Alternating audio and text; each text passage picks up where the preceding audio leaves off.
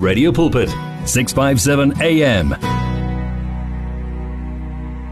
Isikhathi ke manje sithi 20 after 3 o'clock eh ngiqale ngomalibongo egcwabe ethi glory wasibusisa noNolundi ethi ngiyabonga baba kwamanje sisho naye uDesiree re re halibokwe libitso lematla libitso la Jehova igama ngempela elingaphelelwa ngamandla uma ulibiza ayizenzeka izinto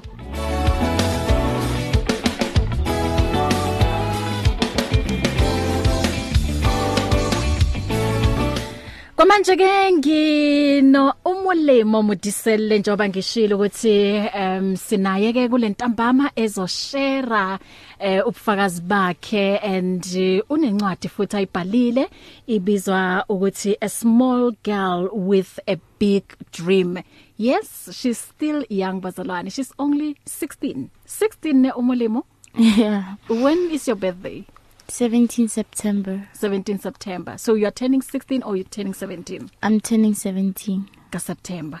Wow. O molemo, dumela. dumela o molemo. Ahe. O kae? Ke teng o kae? Re teng le rona. Um thank you so much ukuthi usijoine.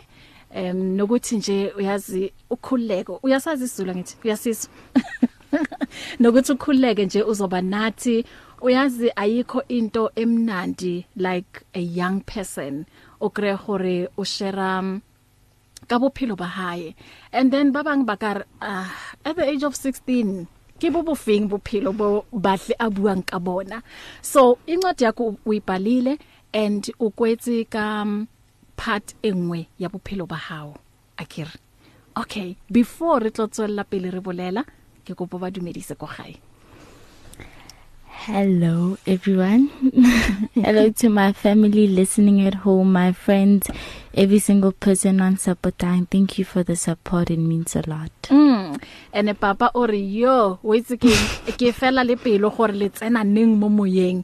Ke tlo utlwela um my daughter a bua so eh, moruti modiselle seka khona o umulemo modiselle um sizokhuluma naye nje in few minutes ithike ngaphambi kokuthi senze njalo ngendlule ngalamo Words of truth and value. You'll find it on 657 AM. Reach your customers in the car, at the office, at home, or wherever they are, night or day. Through advertising with Radio Pulpit, you can reach a large, unique, and loyal audience in a most affordable way. With over 500,000 people on our various platforms, from Gauteng to the Cape, you simply cannot go wrong. So advertise today. Contact us on 012 334 1339 or for advertising packages that we offer, go to www.radiopulpit.co.za. Terms and conditions apply. We are here 24 hours with the message of hope, faith and love on 657 AM. Eh bazali uma kuwukuthi mhlambe kwamanje ulalele wedwa and unabo abantu abayoung lapha ekhaya ngicela nje ukuthi uyazi uthi wozani ngicela sizolalela inyanga yabantu abasha la siza ukuthi abantu abasha eh basiphathelene njengoba kwamanje ke ngihlanganyele no Umulimo Mudiselle she's also an author ubhale incwadi ebizwa a small girl with a big dream so umulimo before sizongena kakhulu odabeni ke kopa o re brief hanyane fela ka umulimo ke mang umulimo tsaletse ko kae dilo tse yalo Omalema is a small, young, beautiful girl with so many big dreams. Dreams of spreading the word of God and telling the youth that they are not alone. Uh, ke tswa ke le ko Hartbeespoort Seasons Estate. I live with my mom, my dad, and my sister Penyomudiselle. Mm -hmm. So wena o first born or second born? last born last born and maybe o tepa gore ba re di last born di a tshwenya di matepe wa tshwenya lwena o matepe sometimes sometimes yes um umolemo eh, ngizwile la uthi you are a small beautiful girl with a big dream indeed wonke umuntu nje uba nawo amaphupho and eh, you know and uthi amanye amaphupho akho ukuthi usabalalise ivangeli ubuwe efankhedi and abantu abasha babone from wena hore ke mang modimo o o o buang ka yena i think it's important ukuthi uma sithi um re bana ba modimo di action in e netsona tse di buang go feta se re se buang ka molomo akere so yes uthi your dream is to spread the word of God. Tell us more about um this big dream of yours. Uh, this big dream of mine is that um, a lot of teens nowadays are being misled. They doing the things of the world and they not doing what God tells us to do in the Holy Bible and mm. somewhere someone has to step up and fix that and tell these teens that we should listen to the word of God. Mm. We should apply the fruits of the spirit in our lives and God's commandments. Mhm. So um on your first chapter encwadini ne you said ukuthi your life was a mess from a young age. So what exactly was happening um ekutheni u realize that you you messed up or your life is a, is is a mess I grew up loving both God and the devil and at some point I knew that that was wrong because my parents give a ruti so they started lecturing me and showing me the way of God and I knew that this is the way to go because back then eh, mm. yeah no kwetsa halang back then no go etsahalang I did things I wasn't supposed to do I my actions I wasn't part of some of the actions I did and mm. Mm. Mm. it showed me that I had to change my ways yeah so wa regret ha o lebella ko morago ka dilo tso di entseng yes I do regret you do regret So as you have mentioned in your book that you are a strong young girl with so many great things to share about God.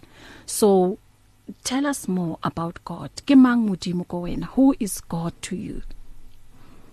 God is my healer, he is my producer. He's always there whenever I need comfort. He answers my prayers. Mm. Ever since ke tlo amohela modimo my life has just been great miracle after miracle blessing after blessing opportunity after opportunity wow. he's great he's the provider the healer the alpha and omega the beginning and the end of everything mm. he will never promise you something that it, that's impossible mm. Mm. he hmm. does the impossible and he's forever great i'm i'm glad ukuthi though you did izinto ukuthi you are not proud of but at the end of the day ubone gore um only god ke yena o ileng gore a ka tlisa healing ke yena o ileng gore a ka tlisa peace and wa phinda wa realize ukuthi you are nothing without god so i believe ukuthi um, ukubuyela kwakho kuyena wathi kinna umorena that was the most um ngingasho nje ukuthi ubuhlakani ke botlhale bo ileng gore o bo entse gore o boele ko modimong because i get sometimes batho ha um, o ya go bona maybe o bolela um o confide go bona o kre gore eh, ba tlabe ba bua ka wena ba seba ka wena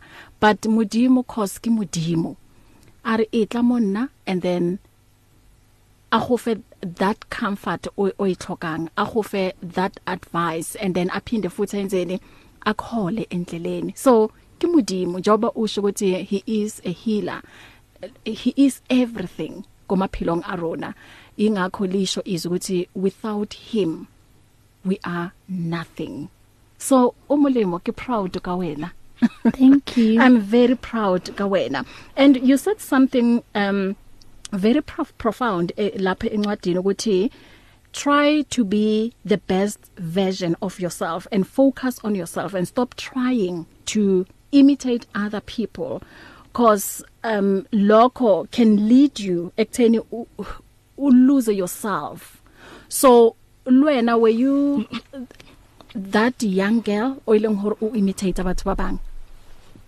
Not really, Mara. Yeah. Like at some point, yeah, I did try to pretend like someone I wasn't just so that I can fit in. Yeah. Peer pressure.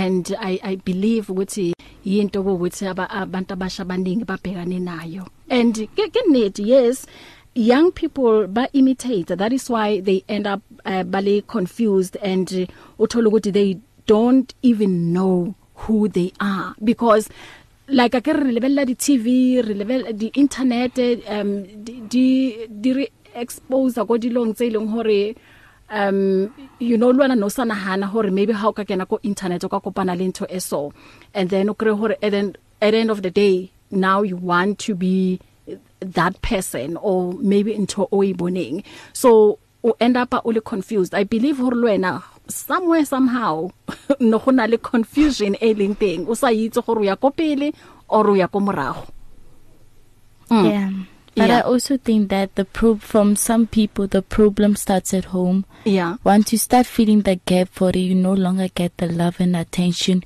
You put yourself out there to find someone that will fill in that gap, and you either you either or turn into someone you're not and start acting just so that you can find someone that will fill in that gap. Mhm. Mhm.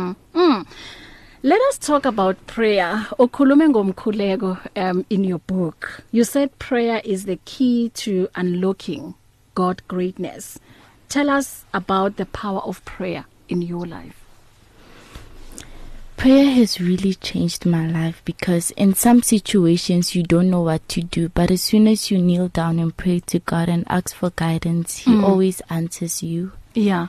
And it unlocks greater things in your life. Yeah.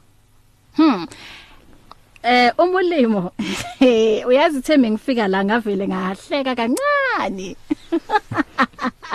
when you're talking about um matters of the heart hmm um you said situations can change people ukuthi babe abantu abagood or babe worse than they were before are you talking lana from your personal experiences yes i am mm. so bokwenzakalani tell us more mm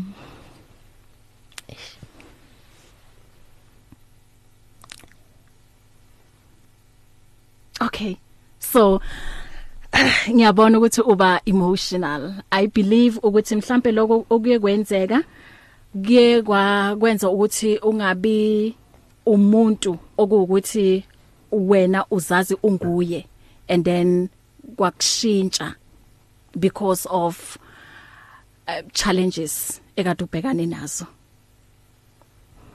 yes yeah so being a, a, a good person wagcina ubona ngathi now mm, -mm angisahamba endleleni lezinto ezenzekile sakwenza ukuthi manje ngathi you are a bad person am i right yeah mm but i'm um i'm ngibuyele futhi odabeni lokuthi you know you are a young person and uNkulunkulu uyamazi and you know ukuthi ikuphi la kumele ubalekele khona uma kwenzeka izinto ezingekho right empilweni yakho so i believe ukuthi usuku nosuku you thank god ngempilo yakho Yeah, I do thank God, but lately I've been having some challenges in my prayer life and I'm trying to fix that. You're trying to fix that. Yeah, uNkulunkulu uyalalela.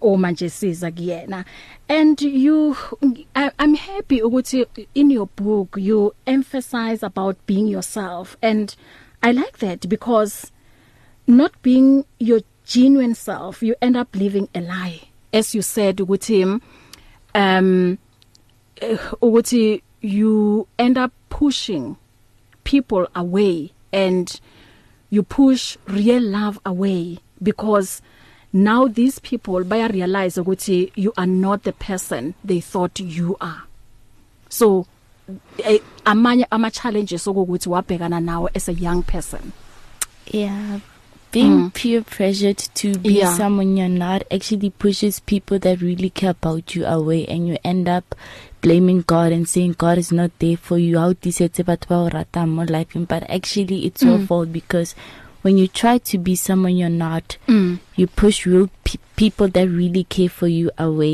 and yeah. you attract people that actually don't care about you and mm. they end up betraying you disappointing you and then you blame god and it's not god's fault it's not god fault yeah i'm happy ukuthi egcineni uyabona ukuthi problem inalini na um i'm trying to be someone okising yena and then when people ba realize hore i man you know um gitlile mo omolemo um, ke batla gore abe friend ya ka o ke batla gore nna le ena re tsamaisane tsela but he nako e ntse e tsamaya wa bona gore mm, -mm.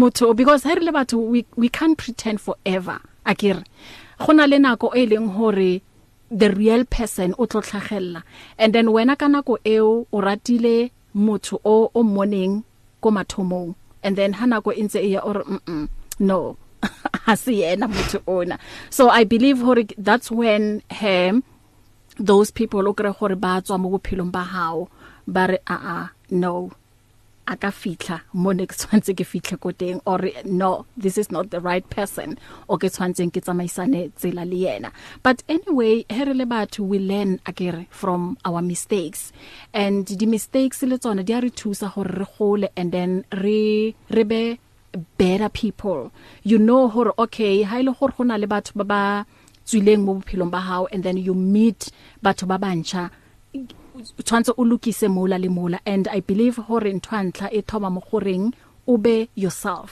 ha ile e hore motho wa wa mogela ha ile e hore motho wa o rata a o rate um because abone the real person so o ka reng ko bathong ba batjha ba ileng e hore even now santsane ba pretenda go ba batho ba iseng e bona or because of peer pressure ba feletsa ise e batho ba ileng e eh, ba iseng bona what advice o ka ba fang yona mm, i would tell them that if you feel like you're trying too hard to fit in then it's a sign that you don't belong in that group you mm. don't mm. fit in and there's nothing wrong in that. Just find a group of people that will love you just the way you are because God loves you just the way you are. You don't have to fit in or pretend to be someone you're not just so that you can be loved. Mhm.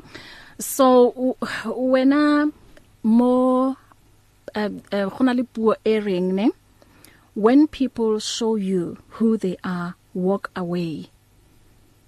So do you believe wena mo that mo buong eo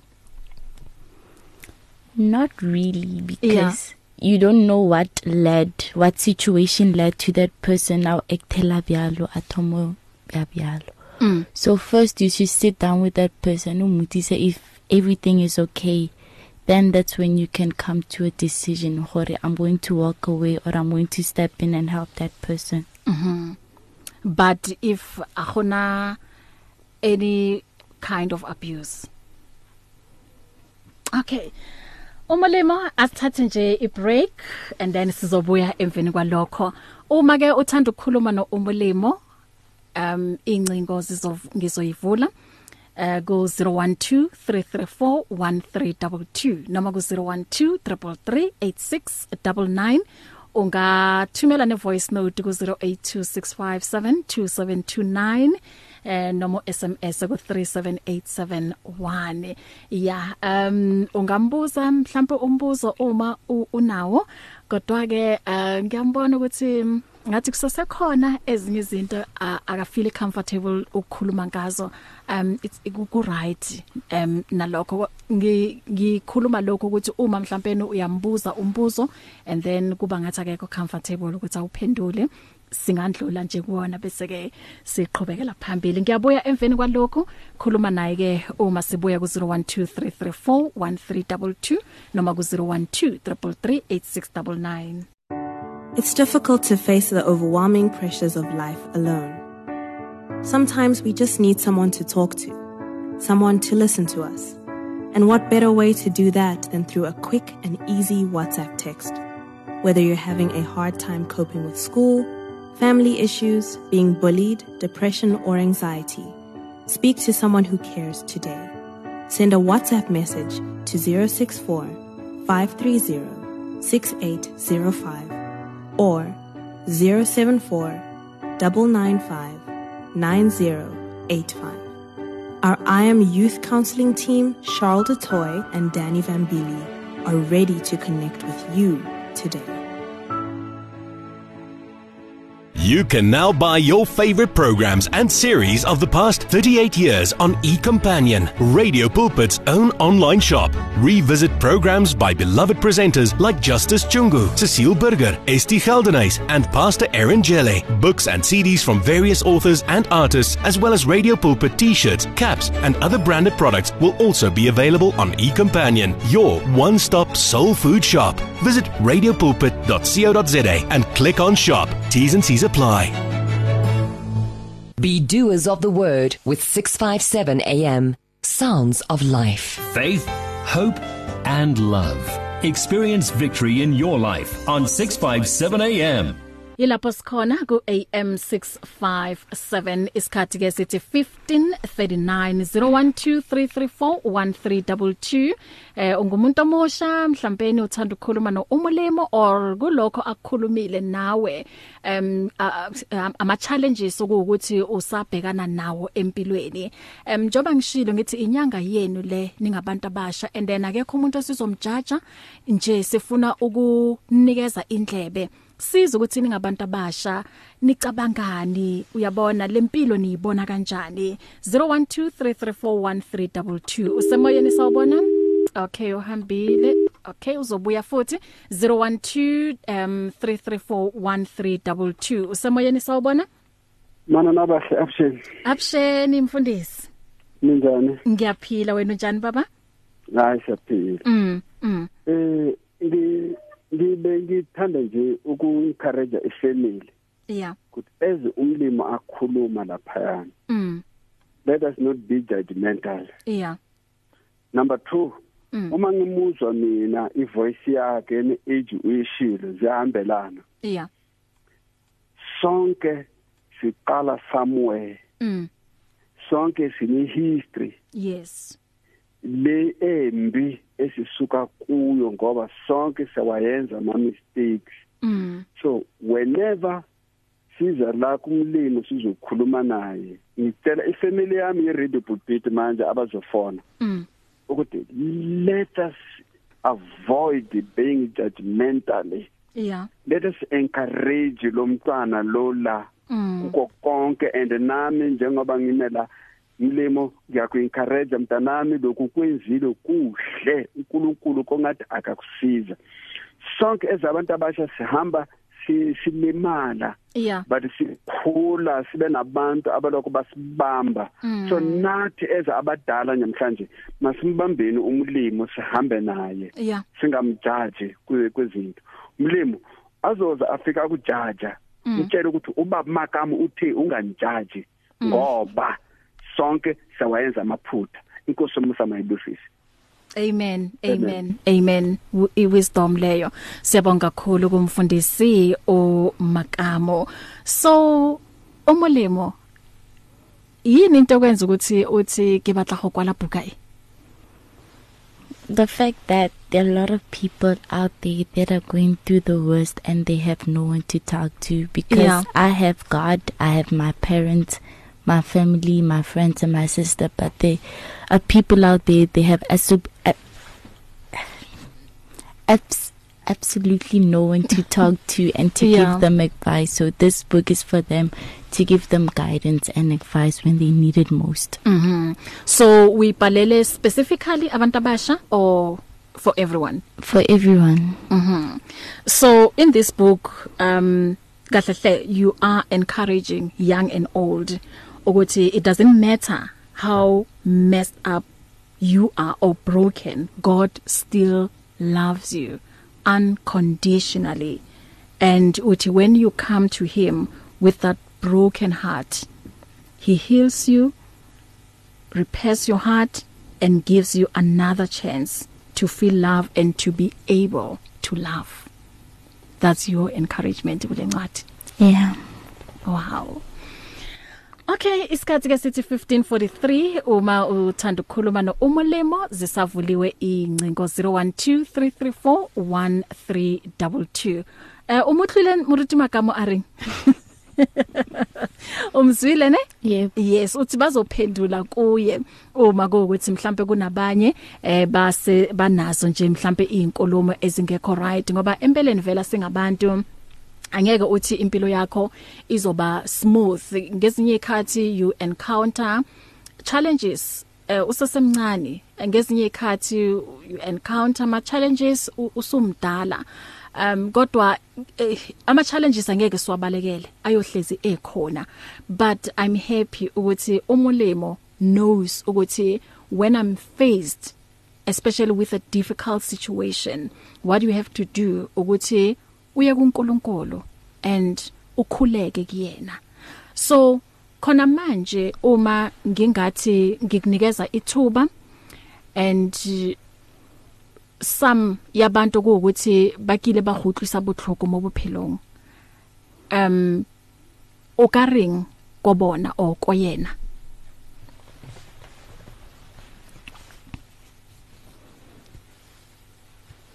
mm I would say gore there are some things I know there's some things that led you to treat me the way you did, but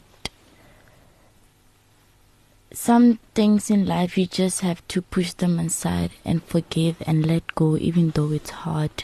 Mm. You never know the reasons behind their actions. All yeah. you have to do is to forgive them, mm. um, forgive them, include them in your prayers, and just let go. And just let go and let God. Wow. Hmm. 0123341322 usemoyeni sawubona Ngosoza Kalimambo Eh sibingelele ubasazi lomulimo Mm umonemo ba re dumela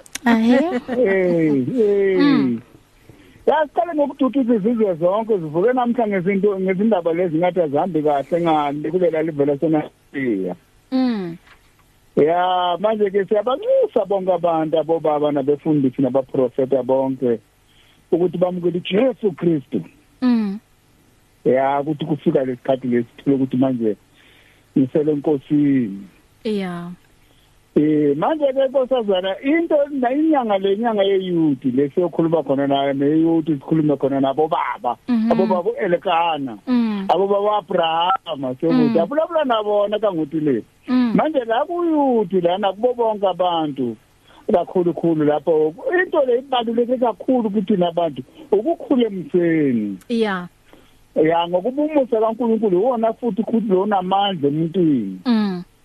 iwona omuhle ngoba uma umuntu angakhulanga umuntu uphela ukucama ngento lendlule kudala mm manje uma sesikhulile lento endlule kudala siyayikhohlwa leya siyaphambili mm Kalimambo kozuzana Kalimambo Kalimambo Kalimambo siyabonga baba mm Eh usemoyeni sawubona Hello Hello Ninjani bashe Siyaphila mama wenu njani siyaphila umama umphuthi ugogo mphuthi mlimo gogo ninjani siyaphila ngiyaphila wena siyaphila ufuna mm. ukuthi ke kuwe ntombi yami you are special thank you and god loves you everything that happened happened for a purpose i igold mayizawungena emlilweni mm. ingene igolide yeah mayingazange inxibilike iba strong iba pure mm. so uNkulunkulu bekafuna ukujusa khipha yonke lento lapho phakathi kwakho ukuthi ukwazi ukwakha abantu abasha mm. abanye abalingana nawe mm. ngingugogo Jimayo every morning ngiya epark yakithi la eFosloras eyagogo nginomthwalo wabantwana ngilfanele lapho bayabhema benzani mm. bese ngiyafakaza kubo omnye umboni mlimo ukuthi so innocent this child mm. uyenza ngenxa yokuthi ubona lababanye benza yebo ufuna ukwamkeleka phakathi kwecrowd mm. ngibe nomthwalo enhlizweni ngiyakhala mm. ngiphume ngikhulume nabo ngishumayele abanye bangizwa abanye bangidelele so nginalomthwalo womuntu omusha i know ukuthi usathane ufuna ukudestroy umncane ukuze iphupho necebo lika Jehova lingaphumeleli ngempilo yakho mm. but sibonga uNkulunkulu ongavumi ngathi yebo mina mangingatshela istory sami ngimncane ngiyathuka ngiyamangala ukuthi this year I'm making 60 mlimo yeah, 17 khona hey it was horrible at the age of 13 14 15 16 17 yabona if you tell me about my youth stage angisifunde so stage mm maba ngabe kukufa babeke leso stage sempilo yami i can rather die mm but uNkulunkulu wathembakala mntanami yeah qhubeka shinisa leso sibani hmm. let it shine ngasabheki nasemuva ngibonga ukuthi sinoNkulunkulu othi make sithethelela izono zethu athi angisayi kusikhumbula mm. so mlimo i'm saying to you forgive yourself one and forgive others yes thank and you and walk tall yes walk high shine the light begin so gogo uyazi moqala ukukhuluma ngeke ngaba emotional kodwa ekugcineni nako ngiyasmile thank you so much Hallelujah. Ngiyathemba ukuthi umulimo la ekhona naye um asithi nje iprocess ye healing iyaqala yabona ukukhuluma kwakhe ila kuqala khona i healing Amen. thank you gogo Amen. bless you bye bye bye bye, bye. bye. Mm. Uh baby girl uthi wow I'm so proud of Umulemo I got saved when I was doing grade 8 and God has carried me until now I'm 23 years I'm not a I'm not um it, it's not a famous thing to stand for God in our generation as a young person so it is so beautiful to see young girls like Umulemo standing up for truth in their generation. I just want to say she must continue to fly the the Jesus flag high and with boldness. I'm so proud and encouraged by what she is doing. May our God Lord continue to keep her and give her grace to follow our good shepherd Jesus. Ngiyabonga sisibahle and umolimo. Um omong hape uthi la it's a blessing to have a, a teenager testifying about God. Omolemo press on my girl. May the Lord give you strength to keep on doing his work of encouraging your peers. Keep up the good work. Eh ngicela ukuthi silalele la i voice note. Our family is just getting bigger and bigger. Welcome to 657 AM. Greeting for the family. Okay, Prophetess Nelly Mudisele, the mother to Umulimo, my daughter. Uh, she can be a little bit shy at times. Uh, maybe people they are wondering for those why Ufilagari, there are things that are hidden.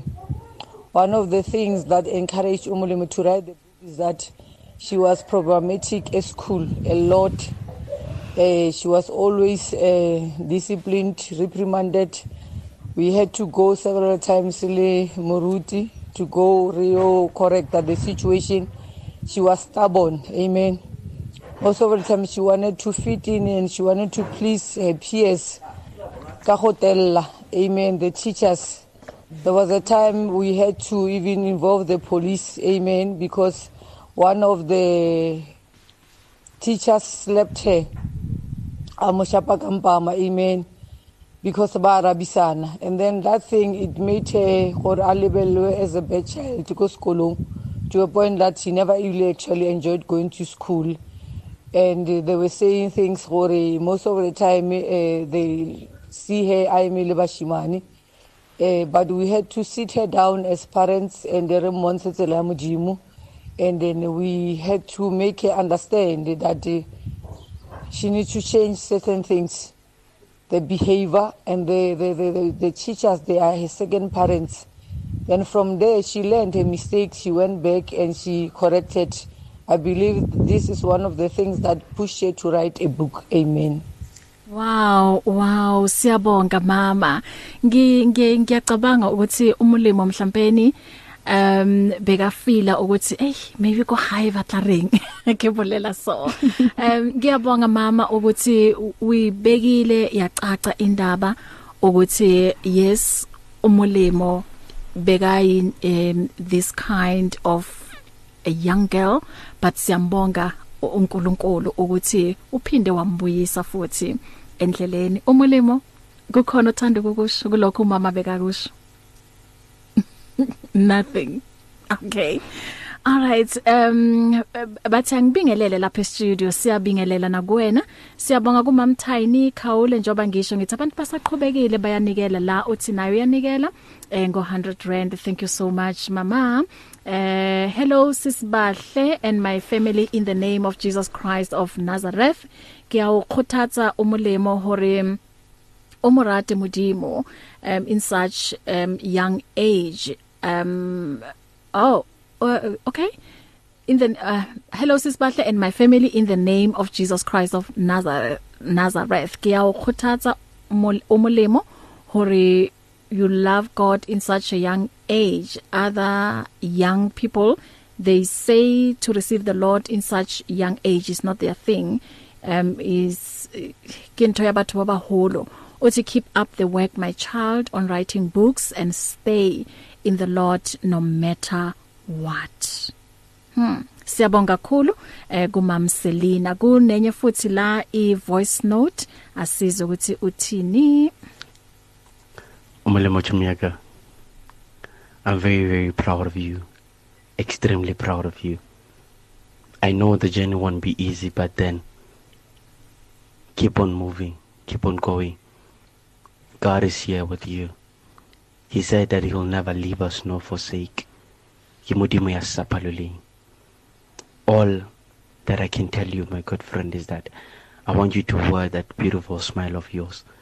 No matter gore go beyang go mm. boima go monate wear that beautiful smile yeah. of yours and i want you to keep in mind that we love you i love you and i'll forever be by your side god bless you wow wow so bona semoyeni Yebo, ngiyani ma. Siyaphila baba wena unjani? Oh, unqamukile. Umulimo mara uh, uya realize ukuthi uthandwa kanjani? Yeah. Your friend kema? Atlehang. Atlehang. Mm.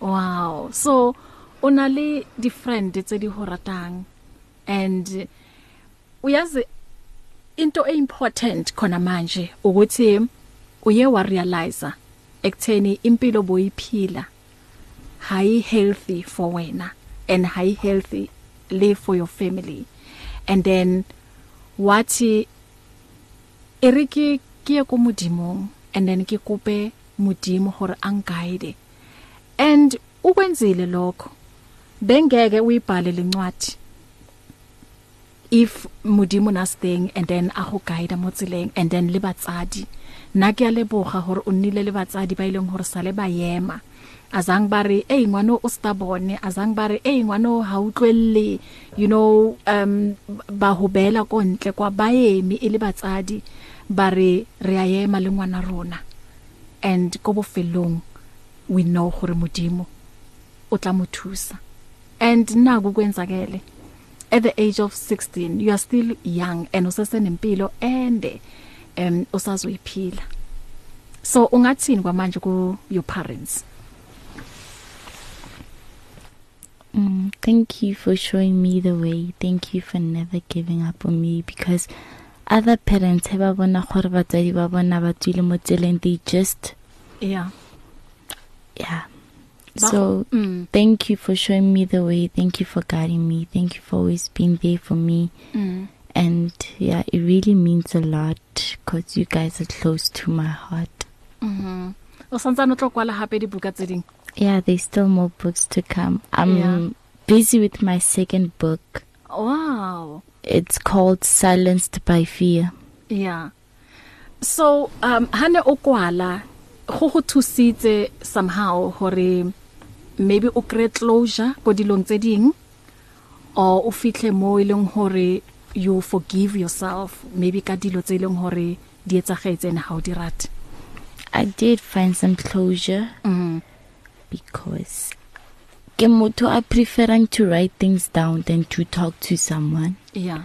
So it really did help me a lot. Mhm. Mm wow. Um umfundisi Sipho Prince Nhlapho uthi wow the testimony by Umulemo um uthi I am touched. Umulemo utholakala kuphi mhlambe eh other young people ha ba batla go bua le wena i guess um gona le dilo tsengata tseleng hore o ka di bua le other young people yeah ba ho thola go kae my whatsapp number is 076 500 6606 and you can also get me on Instagram bubbles_748 okay um utse 060 076 076 500 500 6606 6606 ba ka o kry le ko WhatsApp okay and wa launch ka di 16 hey o molemo wa launch o launch your book mm. ha ko brets ko ra o boni christian school ko brets yeah so u invite abo mang everyone is invited is invited koraboni um Christian School yeah ko Brits okay so batho ba ko Brits batho ba ko Northwest umolimo wa launch ka di 16 uthi everyone is invited i'm proud of you Thank um you. umolimo and nje ngibona i uyazi ngibona a young girl ekhula aba sisi okuwukuthi kusasa uzokwazi ukuthi usize other young people ukuthi you know what noma kuukuthi unamaphutho wenzayo kodwa kusho ukuthi kugcinile ngawe and it's true ukuthi everything happens for a reason so i reason ibe khona ukuthi whatever iyenzakele iyenzakele ukuze kusasa uzokhuluma ngento owaziyo ukuthi uya relate kuyona ngoba batho ba na le ho bua ka dilo mara o kre maybe we born from ko mothong o mong yena ha so experience so it's nice to talk about something e leng hore o fitile ko yona e leng hore you know ha motho mong atla mo wena re wetse molemo le nna em ne ke le ngwana o stubborn le nna ke ngwana o ile e ngora ke utlwe le batsadi wena wa itse hore advice o ka mofang yona ke efeng hore lena a feleletse e nne ngwana o tshwanang le wena ke proud ka wena and you. god bless you and then uqhubeke nje ubambelele kuJehova and ngasonke isikhathi yazi ukuthi em uyena uJehova isiphephelo sethu and uyena kuphela uJehova ukuthi uma sikhalela kuye em angakwazi ukuthi akusize kulokhu wena okubona ngathi ku impossible i i know ukuthi nawe diteng dilo tso no bona hore i we thinking go impossible hore nka tswa mo this situation but ashifa today rentsile wena so wa bona hore ke nnete hore se se re se bonang se le impossible mo go rona ko modimong se possible okay um one last um whatsapp iphuma e lam 07941321 eh ku okay akashonga igama uthi greetings in the mighty name of my lord jesus not just any person but a born again person is a new creation the blood of jesus washes away all sins and old has gone the bible says gone forever before the word of god says so the new has come we have to learn to see every born again person as god sees that individual thank you so much umolemo qhubeka ubhala incwadi yesu thank you and the time aka bolela nako oh yes ya launch nako ke nako ma 10 to 12 10 am yeah, until 10 am to 12 am yes ke tla be ke le teng le nna ke a ke a ke a tla ke a tla ke a tla ke a ya isikhathi ke manje sithi 2 after 4 uh, o'clock singene ke esigabeni eh, sokugcina ke tla be ke na le Newo Husiyamichulu uyeza nokutlwano um Malahlela kanye no Gift Maudu sizokhuluma la nabo bangabantu abasha sikhuluma about finding yourself and your purpose If you need prayer please send your request to prayer@radiopulpit.co.za or WhatsApp 0674297564 or go to Radio Pulpit website on www.radiopulpit.co.za radio.co.za. Many people across South Africa are being blessed and encouraged by the Radio Pulpit devotional magazine, The Word for Today. This publication places the gospel of Jesus Christ in the hands of more than 100,000 people every day, inspiring every person, from the professional businessman to the needy person who lives on the streets. Each edition contains daily scripture based devotionals and inspiring articles to help you grow spiritually. The booklet is given with the compliments of Radio Pulpit, but your donation, large or small, will help us to print the next edition and continue being the hope of the gospel to a world in desperate need. The word for today. Get yours today on 012 334 1200 or subscribe online at www.radiopulpit.co.za. Radio Pulpit, your daily companion. You and 657 AM and life, a winning team on the road to eternity.